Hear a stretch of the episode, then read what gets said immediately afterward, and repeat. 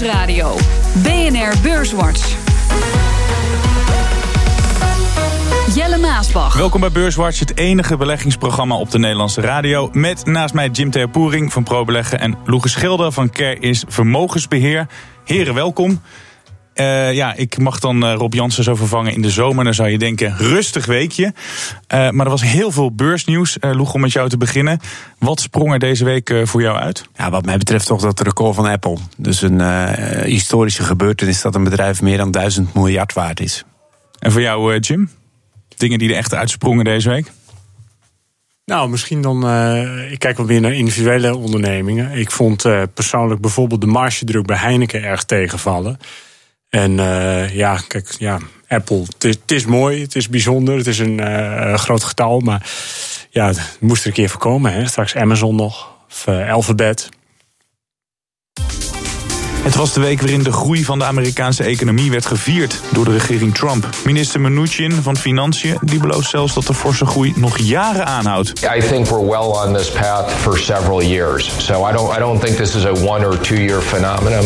I think we definitely are in a period of four, four or five years of sustained 3% growth at least. En bij KLM hebben ze een goed kwartaal achter de rug, al behaalde topman Pieter Elbers van de stakingen in Frankrijk. Wat je natuurlijk wel ziet is dat de effecten van de staking zwaar drukken op de resultaten van eh, Air France.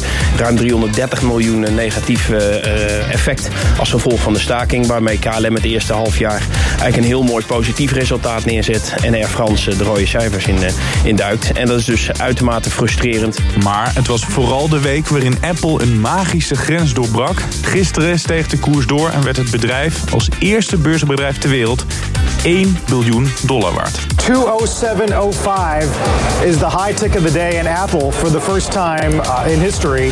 A company is worth 1 trillion dollars. Ja, een klein beetje zuchten, Jim Terboering. Ik, wat ik grappig vond daar, die Amerikanen, die kunnen dat natuurlijk echt op zijn Amerikaanse. Er stond zelfs een livestream op de, ja. op de tickertape van wanneer gaan ze er doorheen. Ja, de gekte was echt uh, compleet. Nou, jij zegt ja, het is maar een, een getal. Uh, Zo'n mijlpaal is leuk voor de statistieken. Maar belangrijker, is het bedrijf het ook echt waard, Jim? Ja, dat is het wel waard. Want als je kijkt naar waardering, dan is dit bedrijf niet eens zo heel duur geprijsd. Eh, je ziet ook echt nogal omzetgroei, 5 tot 10 procent per jaar. Ze hebben echt een oorlogskas, dus zijn schuldenvrij. 140 miljard in kas gewoon nog. Um, als je kijkt naar de koers-winstverhouding voor 2018, die ligt zo ongeveer rond de 17, 18. Daarmee is het echt goedkoper dan andere Amerikaanse ondernemingen. Dus het is ook niet helemaal, helemaal niet een offensief aandeel als je het koopt. Het enige waarom ik zeg van ja, het is maar een getal. Uh, de champagne ging in 2000 open omdat we door de 700 gingen in de AX en 5000 in de Nasdaq. Dus ik word altijd meer een beetje angstig van dit soort ophef. Uh, dan dat ik er blij van word. Want ja, we rennen weer met z'n allen achter elkaar aan over de beurs. Zonder nog naar waardering te kijken. En uh, ja, dat is vaak toch wel een voorbode van op een gegeven moment een daling. Jij, Loege, zat jij ook angstig te kijken toen ze door die, door die magische grens heen gingen van 1000 miljard? Nou, nee, eigenlijk helemaal niet. Kijk, uh, ze hadden hele goede winstcijfers. Dus, dus Apple, aan de ene kant, de innovatie valt de uh, afgelopen jaren wat tegen. Maar aan de andere kant slagen ze toch steeds weer in om iedere keer te verrassen op het gebied van winststijgingen. Uh, dit keer 32% hoger dan het vorig jaar in het tweede kwartaal. Dus het is altijd een wat flauwer kwartaal voor Apple. Omdat er geen cadeautjes zijn. Ja. Altijd het vierde kwartaal is altijd een heel sterk kwartaal. Maar 32% extra en, en de diensten worden beter. Nou, die muziek waar we misschien zo direct nog even over gaan praten, die doet het alweer beter. Dus het is gewoon uh, ijzersterk. Ja, en wat Jim aangeeft, het is niet eens zo duur gewaardeerd. Uh, wat dat betreft misschien best een reële, ja, reële waarde. Maar het zijn natuurlijk getallen waar je wel... Uh, uh, Heel blij van, uh, ja, van wordt. Ja, of bang. Ja, ja het is uh, behaald, deze grens, onder leiding van Tim Cook. Nu de topman. Ik nam het stokje over van Steve Jobs. De man die Apple oprichtte, met ruzie wegging... en eind jaren 90 terugkwam om het te redden. En ik heb even een interview uit 1997 opgeduikeld. Luister even mee. Uh, I'm drawing a salary of, I think, a dollar per year. So uh, I hope I'm not burdening the shareholders too much... and very much want to see Apple get turned around. And I think it's gonna. So I, I don't know how much more committed I could be if people need these symbols. Well, maybe that'll happen. I don't know. But, but um, you know, my answer to them is I don't know how I could be working any harder. Nou, hij heeft hard gewerkt. Hij werkte voor een dollar per jaar. En dat hij ook zegt, ik weet niet of dat te veel is. Maar uh, hij moest zich in dat interview heel erg verdedigen. Apple was niet sexy meer, hebben we het over twintig jaar geleden. Hij introduceerde iTunes, de iPhone, de iPad. Uh, maar onder Cook nam het pas echt een vlucht. Uh, wat heeft Cook dan beter gedaan? En Jim, of had hij gewoon wat geluk? Nou, nee. Uh, hij heeft natuurlijk meer de omzet uh, verbreed uit bijvoorbeeld uh, nou ja, Apple Music, waar we straks uitkomen, uit aanpalende diensten. En niet meer alleen maar de iPhone of de iPad of zelfs eerder de iPod aan zich.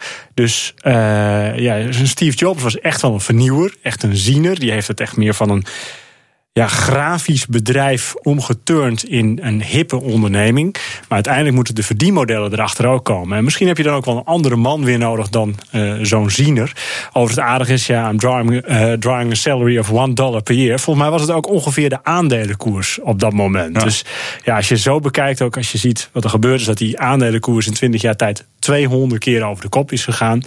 Ja, dat is natuurlijk wel ongekend. Ja, Loegen, bij, uh, in het voetbal zeggen ze wel eens bij een dreamteam, bijvoorbeeld FC Barcelona, dan kan je elke coach voor het elftal zetten, dan worden ze gewoon kampioen. Had een andere topman dit kunstje ook uh, kunnen flikken? Nou, dat, dat, dat weet ik niet. Uh, nog even terugkomend op het salaris van, van Jobs. Die, die had natuurlijk wel een aandelenpakket. En na een jaar begon hij ook wel over zijn Heeft bonus. Hij, hij had hij net verkocht voordat hij aantrad, zei hij ook in dat interview. Hij was alleen wel op papier miljardair door die Pixar-deal. Ja, en, en, volgens mij toen, het, toen hij wat resultaat begon te halen, heeft hij ook wel ja. scherp onderhandeld over, de, ja. over, het, uh, over zijn pakket daarna. Maar uh, ja, ik denk dat de combinatie uh, Jobs die een aantal nieuwe producten neerzetten en daarna Cook als de operationele man die gewoon super strak dat bedrijf heeft ingericht, verder gemanaged en ja, die kosten en operationele performance echt super gemanaged heeft, ja, dat, dat, dat, dat had je dus nodig. Ja, met Apple gaat het goed. Met de tech-concurrenten, ja, die hadden een, een, nogal roerige week achter de rug. De analisten van Morgan Stanley doen daar zelfs een schepje bovenop. Die techsector, zeggen zij, is te duur en gaat een correctie meemaken. Een correctie nog erger dan in februari. Because it's overowned, expectations have gotten elevated, the stocks are up too much in the context of a market that's re-rated. Deze man van Morgan Stanley, Jim, die was nogal uh, kritisch. Um, denk jij dat de techsector nog een tik de komende tijd gaat krijgen? Uh, de aandelenmarkt zou daar wel eens last van kunnen hebben. Want je hebt natuurlijk de techsector. En waar we het allemaal wel over eens zijn, is dat de technologie en de chipsector, dat dat echt wel blijvend is en heel groot gaat worden. En niet meer weg te denken is uit ons dagelijks leven. Maar je hebt ook nog zoiets als de waardering op de beurs. En ja, die loopt daar misschien wel iets te enthousiast op vooruit in sommige gevallen. Want wat wel zo is, de sector is vroeg cyclisch. Dus op het moment dat het wat minder gaat.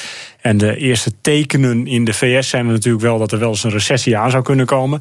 Ja, dan zijn het wel de tech-aandelen die er hard afgaan. Omdat al die groeiperspectieven en die uh, winstprognoses moeten worden bijgesteld. Neerwaarts in dit geval. En dat heeft dan uh, gevolg voor de aandelenmarkt. Ja, Loege, vooral Twitter en Facebook die kregen enorme klappen. Je zag echt een heel groot gedeelte van de jaarwinst weg. Bij Twitter uit mijn hoofd staan ze nu weer op het niveau van, van mei. Zijn die aandelen nog te duur? Ja, ik denk dat je ze niet allemaal over één kam kunt scheren. Dus Amazon en uh, Google deden het echt fantastisch. Mm -hmm. Hele hoge omzetgroei. Nou, Amazon begint nu ook wel behoorlijk winst te maken.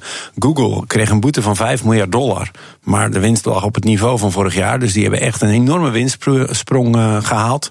Nou, Facebook op zich de cijfers nu nog goed, maar wel last van de invoering van GDPR in Europa. Ja, dat is wel. Uh, we hebben ook die Cambridge Analytica-schandaal gehad. Op het moment dat die privacywetgeving ook in Amerika zwaarder wordt aangezet, dan kan Facebook daar wel last van hebben. Nou, daar zijn beleggers van doordrongen. En Twitter, ja, uh, minder gebruikers. Dus als de groei eruit is, ja. ja, dan, dan is het zeker te duur. Ja, dan een iets vrolijker bericht. Een belegging waar muziek in zit, letterlijk. Want de muziekbusiness is weer booming. Universal Music Group wordt door eigenaar Vivendi deels verkocht. En dat doen ze net op het moment dat er meer en meer verdiend wordt met uh, streaming. Jim, we hebben Spotify, Apple Music, Tidal van uh, Jay-Z... en nog uh, wat meer van dat soort streamingsdiensten. Is streamen het nieuwe Holy Grail aan het worden? Nou, het is in ieder geval een slim verdienmodel. Want uh, met streaming heb je over het algemeen subscriptions. Dus je hebt recurring revenues. Dus je weet als bedrijf veel beter waar je aan toe bent. Uh, ja, abonnementenbusiness, dat is wat mij betreft heel erg sterk. En ja, dat Vivendi dan nu besluit om mogelijk 50% te verkopen. Ja, uh, het is, het is, een strategische beslissing. Misschien is Vivendi, uh, of Universal Music moet ik zeggen, wel een iets te groot onderdeel aan het worden ook van Vivendi, waardoor ze daar te veel afhankelijk zijn. Maar het is natuurlijk nog wel volgens mij een van de allergrootste ter wereld met Sony en Warner. Dus ja, wat hebben ze? U2, Marco Borsato natuurlijk. Dus, Noem je er ook wel een? Verkopen op de top. Je had voor heel veel namen kunnen gaan. Maar mooi dat je Borsato eruit pikt. Uh, Lugia, Apple Music lijkt een interessante te worden. Zou je indirect via Apple in kunnen investeren. Dat onderdeel, die divisie waar ze onder vallen, de omzet jaar op jaar met 31% gestegen. Ja. Kwam uit op 9,5 miljard dollar. En Sony maakte bekend dat ze de resterende aandelen van EMI, de muziekuitgever, in handen krijgen. Uh, daarvoor tellen ze 288 miljoen dollar neer aan de erven van Michael Jackson. Nou, de een naar de andere muzieknieuwtje. Uh, denk jij dat die muziektak ook steeds belangrijker gaat worden voor uh, dat soort oude reuzen? Nou, ik denk dat het. Uh, wat bedoel je met oude reuzen trouwens? Nou ja, oude reuzen, sorry dat ik het zeg. En Sony en Apple is inmiddels ook wel tegenwoordig in de Ah, business als je langer dan 30 jaar bestaat. Ja, kijk, wat je dus ziet, Apple, die, die hardware. Daar is het lastiger om de vernieuwing te krijgen. Maar uit de content moet nu het geld gaan worden verdiend. Nou, het is jarenlang lastig geweest om met content geld te verdienen. En het lijkt er wel op dat er nu een aantal verdienmodellen zijn. die wel werken voor die content. Nou, en dan zie je vervolgens dat er schaalbaarheid. Uh, of dat er schaal wordt gekocht. Hè. Dus als je meer bij elkaar voegt. en je kunt je overheid gelijk houden. ja, dan kun je meer geld verdienen. Maar ik, ik weet niet zeker. Dus het is goed dat er een verdienmodel is ontwikkeld. Ik weet niet zeker of het nou echt uh, de toekomstige groei gaat worden. Jim, heel kort. Ik hoor bij het aandeel Ahold altijd. Ja, mensen moeten altijd eten en drinken. Dus is altijd wel een fonds om erbij te hebben. Ik zou zeggen, iedereen luistert muziek. Nou, jij uh, hebt dus bekendgemaakt dat je naar Marco Passato luistert. Dan zou je zeggen, Zeker. moet je ook muziekaandelen hebben in je mandje. Nou, kijk, ik ben het met je eens. Er is een blijvende vraag naar muziek. Dat is niet uh, iets van vandaag.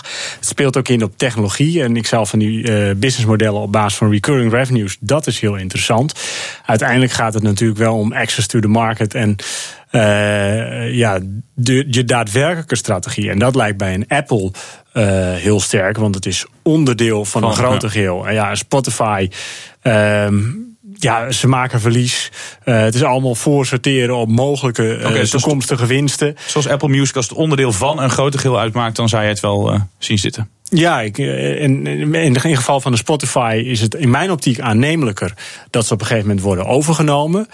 Omdat ze geen aanpalende diensten hebben of een breder spectrum. En ik vond ook wel aardig, Lou noemde net ook over bijvoorbeeld Twitter of Facebook. Dat is veel meer gericht op één dienst dan bijvoorbeeld een Amazon of een Alphabet die breder aanwezig zijn.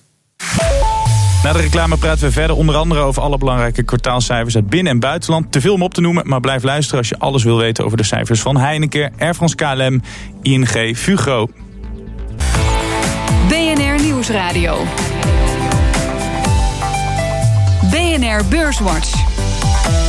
Ja, net voor de reclame hield ik heel even mijn adem in, omdat ik Tesla zag staan. En toen dacht ik, gaan we het over Tesla hebben? Ja, daar gaan we het zo meteen over hebben. Dat doe ik met Jim Theapoering van ProBeleggen, Lou Geschilder van Care is Vermogensbeheer. Maar voordat we dat gaan doen, nog even een korte stand van zaken. De AX sloot op 572,3 punten. Dat is 0,7% lager dan vorige week. Stijgers. Op weekbasis de drie aandelen die het sterkst stegen. Op 1 Signify bijna 4% erbij. Wolters Kluwer op 2 met een plus van bijna 3%. En ArcelorMittal op 3, daar een plus van 2,8%. Midcap aandeel dat het beste presteerde deze week was Air France KLM 12,5% erbij. Dalers. Dalers. Dalers. Altis is opnieuw de grootste daler. Dit keer bijna 18% ervan af. Galapagos op 2 met een min van 5,3%. En op 3 vinden we KPN. Dat ging meer dan 4,5% naar beneden. In de midcap is de grootste daler deze week AMG. Ruim 4% verlies. De AX is overigens drie van de vijf handelsdagen lager gesloten.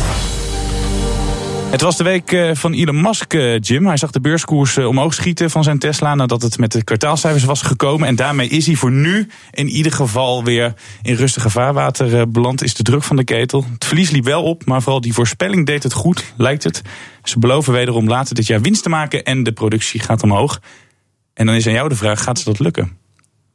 Nou, tot nog toe maakte Elon Musk zijn beloftes aldoor niet waar. Want ik geloof dat 18.500 uh, Model 3's zijn geproduceerd in uh, het hele kwartaal. Nou, dat is positief.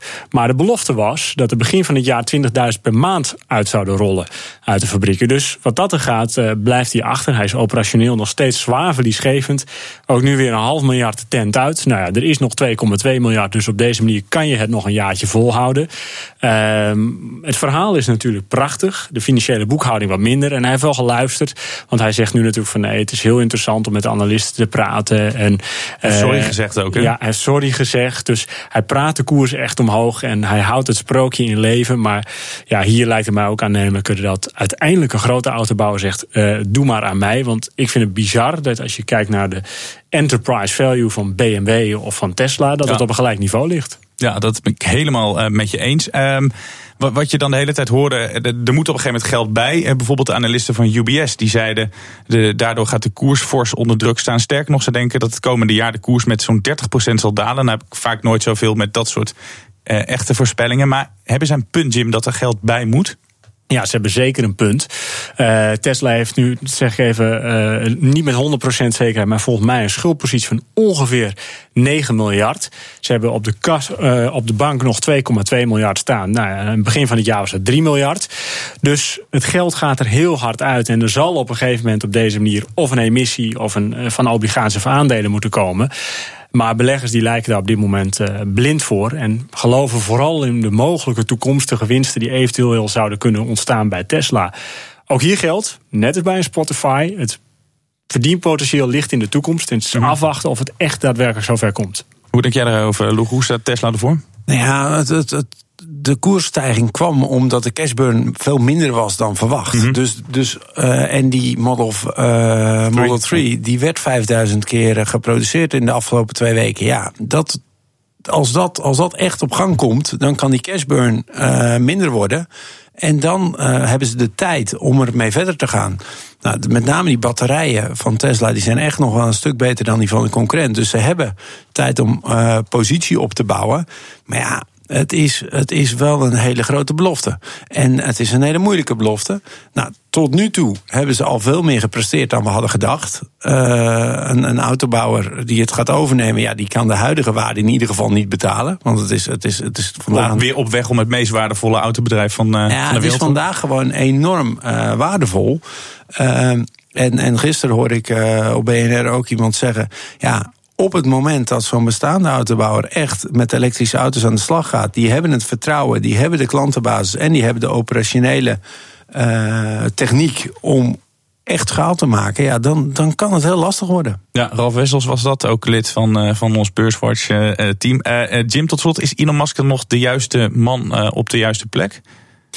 Ja, voor nu zeker. En dat heeft ermee te maken dat het natuurlijk een visionair is die hè, zijn medewerkers enthousiast kan krijgen. Ook al is wat geklagen, wordt er eh, flink in de kosten gesneden. En vooral die investeerder die die aandeelhouder allerlei beloftes kan eh, maken en waar men in gelooft. En ja, voor mij is het heel simpel. Ik ben meer een value belegger. Dus ik heb liever een aandeel BMW op 80 euro met 5% dividendrendement en een enorme kas eh, en eigen vermogen dan ja, Tesla en een belofte. Ja, Eh, heel veel kwartaalcijfers. Ik zei net al, laten we beginnen met het bedrijf dat op de eerste dag van de week met de kwartaalcijfers kwam. En vandaag met overname nieuws. En dan hebben we het over Heineken. Ze gaan samenwerken met de grootste bierbrouwer van China. Ze stoppen er netto zo'n 2 miljard euro in. Loeg, is dat een, eh, een goede stap? Want ik zag dat vanaf 2012 de bierconsumptie juist in China aan de dalen is. Ze zijn al 35 jaar aanwezig. Dan denk ik even als leek, waarom nu pas?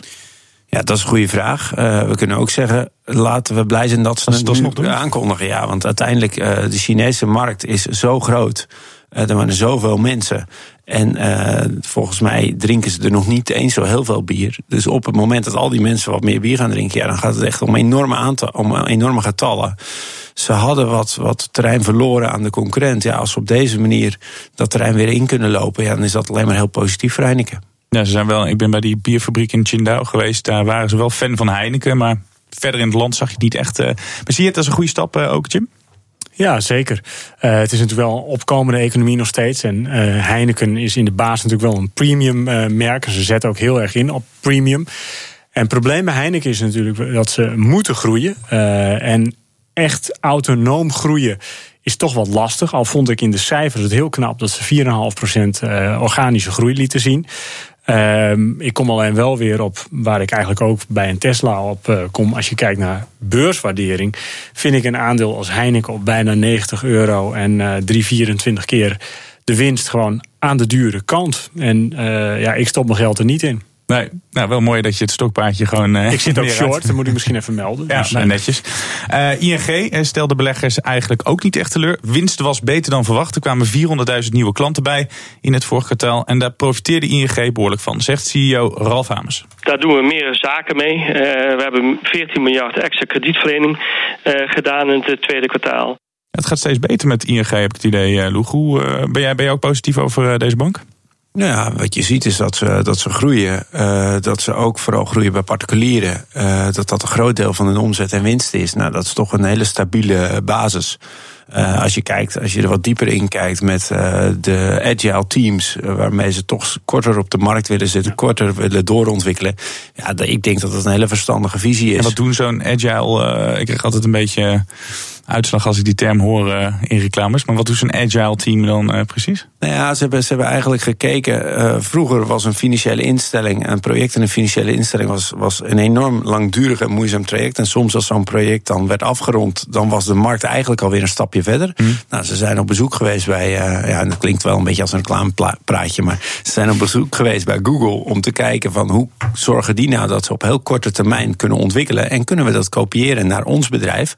Nou, en ik denk dat, uh, dat je daar wel de, de, af en toe al wat voorbeelden van ziet in een dienstverlening. Dat moet ik ze ook al nageven, want ze hebben volgens mij die ja. Franse topman toen teruggehaald. Van de bank heb ik het idee dat ING echt wel het meest bezig is om er echt een, een, een, een financial van de toekomst van ja, te maken. Dus, dus dat is de, de, de ontwikkeling van het bedrijf. Nou ja, als dat ook uh, uit, uit de cijfers blijkt, ja, dan is dat twee keer positief.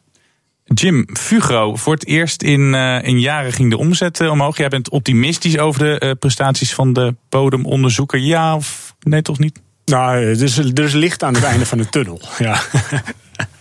ja, is dat het? Het is een value aandeel. Nou, het is geen value aandeel.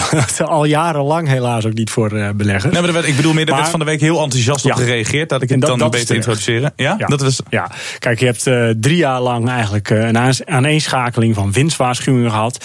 Beleggers die daar de afgelopen drie jaar in zaten, zagen ook een aandeel van zo'n 45 euro terugzakken naar op een gegeven moment een tientje. Nou, wat je nu eigenlijk zag, in de omzet in uh, het uh, tweede kwartaal, uh, die groeide echt heel sterk. Er werd ook weer een klein winstje geboekt. Operationele marge is er weer, dus niet meer negatief. Nadeel is weer wel dat de eindmarkten zijn nog steeds moeilijk. Um, wat, je, wat je ook zag is dat het orderboek dat liep wat terug. Dus hele positieve elementen, maar uh, eigenlijk geldt hier één zwaluwmaakt nog geen zomer. Uh, dus het blijft een speculatief aandeel. En als de markt verder aantrekt, en het is nu eigenlijk een optimale markt aan het worden, wel veel concurrentie, ja, dan liggen er uh, mooie, uh, nou laat ik zeggen, kwartalen voor Fugro in het vooruitzicht. Loegen, voordat we naar de tips gaan, jij mag kiezen, gaan we het over Air France KLM hebben of over Altis? Ja, wat een vraag. Uh, laten we maar Air France KLM doen. Ja, eerder in deze uitzending hoorden we Pieter Elbers voorbij komen. De topman van KLM. Zijn bedrijf deed het goed, maar die staking in Frankrijk die trok het resultaat naar beneden. Gaat het minder slecht dan verwacht of gaat het wel redelijk met deze luchtvaartmaatschappij? Want we hebben erop gereageerd van, oh het verlies valt wel mee. Dat daardoor de koers omhoog ging. Maar hoe interpreteer jij die, de kwartaalcijfers? Ja, je ziet in ieder geval dat, dat KLM goed presteert. En, en Air France uh, negatief. Ja, je lacht. Jij moet lachen, omdat het is inderdaad Air France uh, presteert eigenlijk dramatisch en ja. KLM heel erg goed. Ja, dus, uh, ja, dus, nou ja, dus, dus KLM presteert goed. Nou, ik las ergens dat, uh, dat ze nog steeds op zoek zijn naar een nieuwe topman en dat Pieter Elbers misschien daarvoor in aanmerking zou komen. Maar dat gaan we niet worden, toch? Nou ja, je weet, goed, ik, ik hou hoop. vorige keer zei ik, in, met, som, met luchtvaartmaatschappijen valt het gewoon altijd tegen. Als er maar iets is, ja. dan valt het tegen. Nou, KLM doet het goed. Air France, uh, nou ja, dat valt dan weer tegen. Uh, ja, ik denk dat we gewoon vooral blij moeten zijn met deze resultaten van KLM.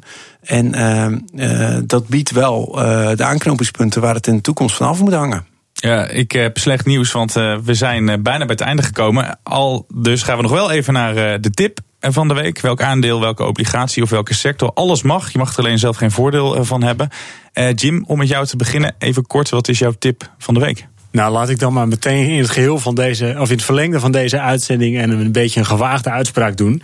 Uh, dat is uh, Tesla short. Ik zit normaal vooral in Nederlandse aandelen, maar uh, hè, met dit soort standen, uh, dit soort waarderingen en misschien ook wel een nou, toch wel heel optimistisch beursklimaat met bedrijven die dus ineens 1 biljoen waard zijn, moet je ook nadenken over balans in je portefeuille. En dan is Tesla short misschien wel iets wat balans kan brengen. Dus wel... inspelen op een daling van Tesla. Oké, okay, ik las wel dat die, die shortsellers wel flink nat zijn gegaan. Uh, ja, dat, uh, als, je, als het aandeel 15% stijgt en je zit short, uh, dan gaat het mis. Maar die, die stijging pak je er nu niet meer mee. Dus vanaf nu, hè. Het is... Jij, Loege? Ik zou kijken naar Chinese aandelen. Die Trump en China, die, die, die gaan er steeds scherper in in dat handelsoorlogsdebat. Nou, Trump een beetje kennen, daar gaat er met gestrekt been in. Maar op enig moment wil hij er dan toch een deal uitslepen. Mm. uitslepen. Dus misschien is dit wel het moment dat de deal dichterbij is. Nou, Chinese aandelen zijn behoorlijk gedaald.